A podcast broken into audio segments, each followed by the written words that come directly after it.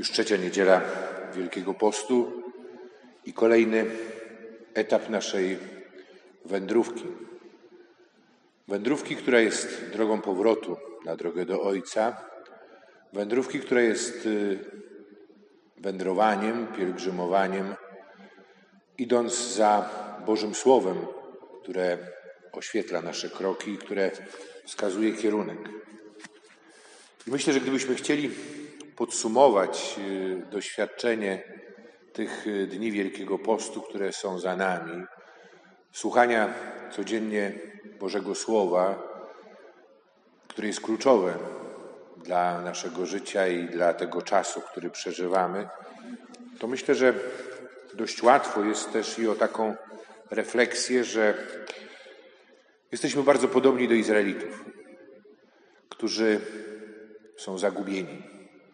Zagubieni na pustyni, zagubieni w swojej relacji z Bogiem, choć jednocześnie mają za sobą całą historię. Boga, który ich e, wyprowadził z niewoli, Boga, który ich chronił przed plagą węży, Boga, który troszczył się o to, aby na pustyni nie pomarli z głodu. E, ale jednocześnie ta historia to jest też historia niewierności, wątpienia Izraela, szemrania przeciwko Bogu, buntowania się przeciwko Niemu, e, chęci powrotu do niewoli, bo tam jedliśmy do sytości. Możemy powiedzieć, jest to żywa relacja i nie ma się nią, nią co gorszyć, bo to jest tak jak w naszych bliskich relacjach, w naszych związkach. Kiedy się kłócimy, kiedy się spieramy, to ta relacja jest żywa. Druga osoba jest przede mną. Najgorzej jest wtedy, kiedy przestajemy ze sobą rozmawiać, kiedy przestajemy e, zwracać uwagę na drugiego człowieka, przestajemy komunikować się, to tak, jakbyśmy chcieli uznać tę drugą osobę za nieistniejącą. Jakbyśmy, jakby chcieli uśmiercić ją. I teraz w tej relacji Bóg jest partnerem dla Izraela. Ale partnerem w jakim sensie? Bóg jest Bogiem. I Bóg troszczy się o jakość tej relacji, bo kocha swój lud. I teraz po tym doświadczeniu, jakie ma Izrael i wie, kim jest Bóg, widział jego czyny. Teraz przychodzi czas na słowo. Słowo, które jest wyjaśnieniem, a jednocześnie też i pewnym ukształtowaniem e, tej relacji, aby nie przerodziła się ona e, w jakąś formę idolatrii. Bóg, który broni się przed tym, żeby nie uznano go za idola.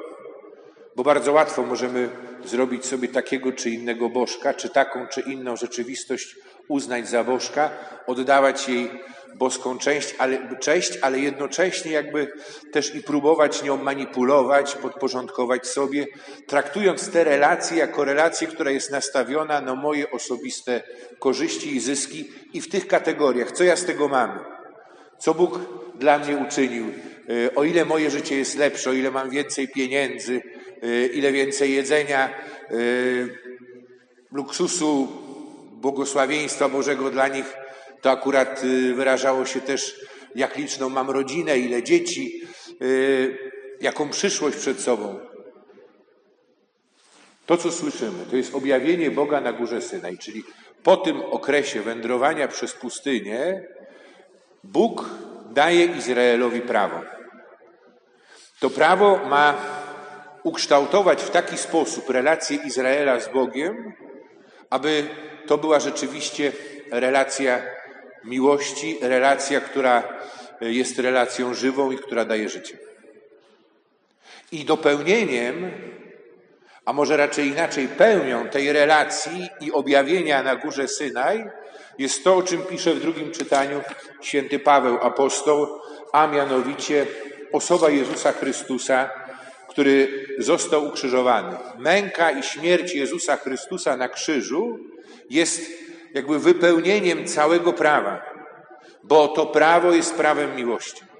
I zobaczmy, w naszych ludzkich relacjach mamy prawo, mamy nakazy, mamy też i wiele y, dobrych rad, jak się urządzić w życiu, jak żyć, żeby być szczęśliwym. Mnóstwo teraz poradników zresztą różnego rodzaju, które są cały czas bestsellerami na rynku wydawniczym. Ludzie się tym zaczytują. A tu jest y, Chrystus, który jest odarty ze wszystkiego, który wydał się za mnie, za nas na śmierć. I który poprzez swoją śmierć, przyjętą dobrowolnie z miłości do mnie, nie tylko potwierdza to prawo objawione Izraelowi na Synaju, ale on jest tym prawem. Bo tak naprawdę w kategoriach miłości jedynie ten, kto jest gotów za mnie oddać swoje życie, może mi udzielać rad i wskazań co do mojego życia. Ja to nieraz powtarzam. Jeśli nie jesteś gotowy za mnie, albo ja nie jestem gotowy za ciebie oddać swojego życia, to zachowaj swoje dobre rady dla siebie i nie baw się wujka dobrego rady. Dobrą radę. Jezus Chrystus jest, można powiedzieć, czynem, który wyjaśnia do końca i uwiarygodnia to słowo, które Izrael otrzymał na Synaju. I to słowo tłumaczy też i ofiarę Jezusa Chrystusa. I tak jest w naszych wzajemnych relacjach. I pytanie, jakie staje dzisiaj przed nami, jakie stawia liturgia słowa, to jest o moją relację i naszą relację do Boga. Czy ona różni się od tej, jaką miał Izrael na pustyni? Czy jest to rzeczywiście oddawanie Bogu prawdziwej czci? Bo dochodzi jeszcze świątynia. Prawo jest jednym filarem religii żydowskiej judaizmu, a drugim będzie świątynia, ta, która zostanie zbudowana w Jerozolimie, jedyne miejsce kultu, y, gdzie będzie oddawana cześć Bogu jedynemu. Ale teraz Jezus Chrystus, y, to co czyni, o czym opowiada y, dzisiejsza Ewangelia, wywracając stoły bankierów, wyrzucając przekupniów ze świątyni, to się tłumaczy, dlaczego tak było tam. No bo do tej świątyni ściągali, przychodzili, pielgrzymowali Żydzi y, z całego świata. Teraz y, prawa czystości, jakie obowiązywały, nie pozwalały, aby na teren świątyni wnoszono wizerunki bożków pogańskich idoli. W związku z tym, a takie wizerunki były na monetach, na monetach rzymskich były wizerunki poszczególnych cezarów, którzy ogłaszali się bogami. I dlatego przy wejściu do świątyni były punkty wymiany waluty. Czyli te waluty pogańskie wymieniano na pieniądz świątynny, na monetę świątynną, która była w obiegu tylko wewnątrz świątyni jerozolimskiej. I za tę monetę ci, którzy przybyli z daleka, mogli kupić zwierzęta, które składano Bogu na ofiary. Tylko to jest y, część całego, można powiedzieć, nie chcę powiedzieć przemysłu, ale takiego przedsięwzięcia wokół kultu Bożego, który Jezus przychodzi znieść. Nie potrzeba żadnych e, krwawych ofiar. Jedyną ofiarą i jedyną skuteczną jest On sam. On staje się tą świątynią.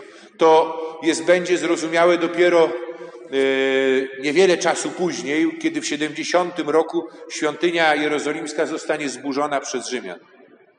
I dla Żydów właściwie zostanie tylko prawo. Ale prawo, które nie jest wyrazem relacji osobowej z Bogiem staje się czymś, co zniewala, czymś, co staje się ciężarem.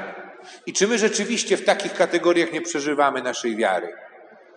Jednocześnie łagodząc to prawo, bo przecież tak nie da się żyć i dostosowując je do naszych y, oczekiwań, a jednocześnie w y, przestrzeganiu tego prawa znajdujemy pewne potwierdzenie tego, że wiedziemy życie dobre, sprawiedliwe, że zasługujemy na zbawienie. Jakbyśmy się zapytali, kim jest katolik? Kto to jest katolik?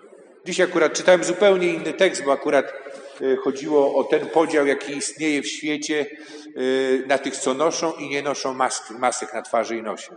I że autor twierdził, odwołując się też do konkretnych badań, że to ma też i charakter religijny, bo to są wyznawcy masek i wyznawcy e, nienoszenia masek. Są na przykład w Stanach Zjednoczonych takie sklepy czy takie lokale, w których wejście w masce jest zabronione i tak jest ustawione przez właścicieli. E, to jest kwestia pewnego nakazu i zakazu. I w tych kategoriach, można powiedzieć, katolik to kto jest? To jest ktoś, kto chodzi w niedzielę do kościoła i kto nie je mięsa w piątek. Nakaz pozytywny i negatywny.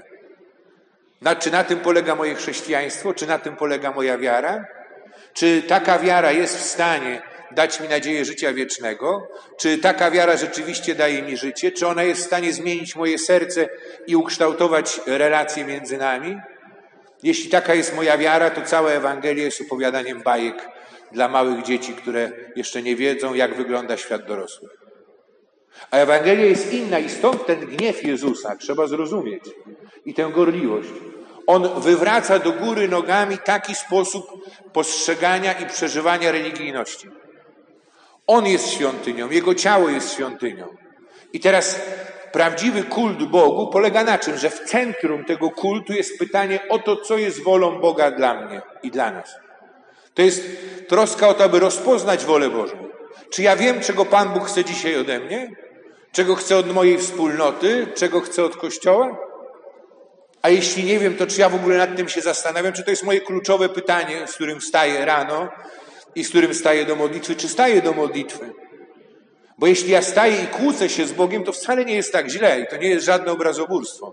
Problem jest wtedy, kiedy ja do Boga wcale się nie zwracam albo mówię tylko, myśląc, że Go sobie w jakiś sposób podporządkowałem i z Boga uczyniłem sobie Bożka, ale nie stwarzam nawet przestrzeni do tego, żeby słuchać Jego słowa. I nie odnoszę Go do swojego życia.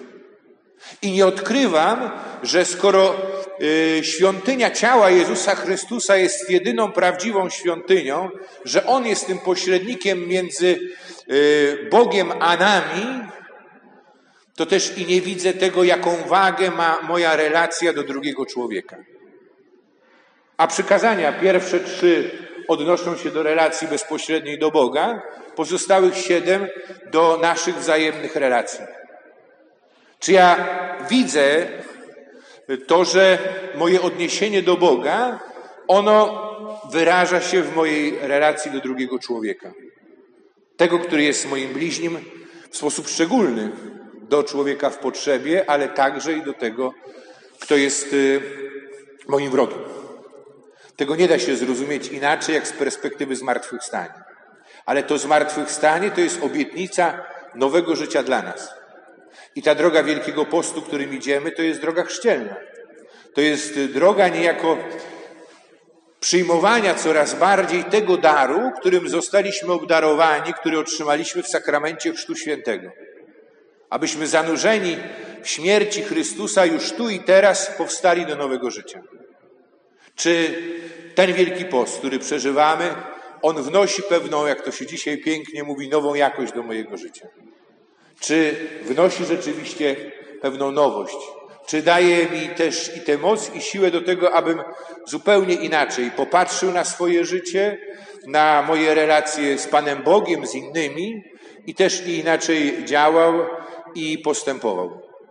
Pamiętając o tym, że Słowo, ono znajduje swoje dopełnienie w konkretnych czynach i objaśnia te czyny a czyny pozwalają zrozumieć Słowo. I potrzeba nam takiej jedności, takiej spójności wiary. To, co uczynił Bóg. Wypowiedział do nas Słowo i to Słowo stało się ciałem, zamieszkało między nami, po to, abyśmy my mieli życie. To Słowo zostało wydane na śmierć, ale ten, który był Słowem i jest Słowem, zmartwychwstał i daje nam to nowe życie. I oczekuje na Słowo z naszej strony, Słowo, które znajdzie też i potwierdzenie w naszych czynach, w naszych decyzjach. Amen.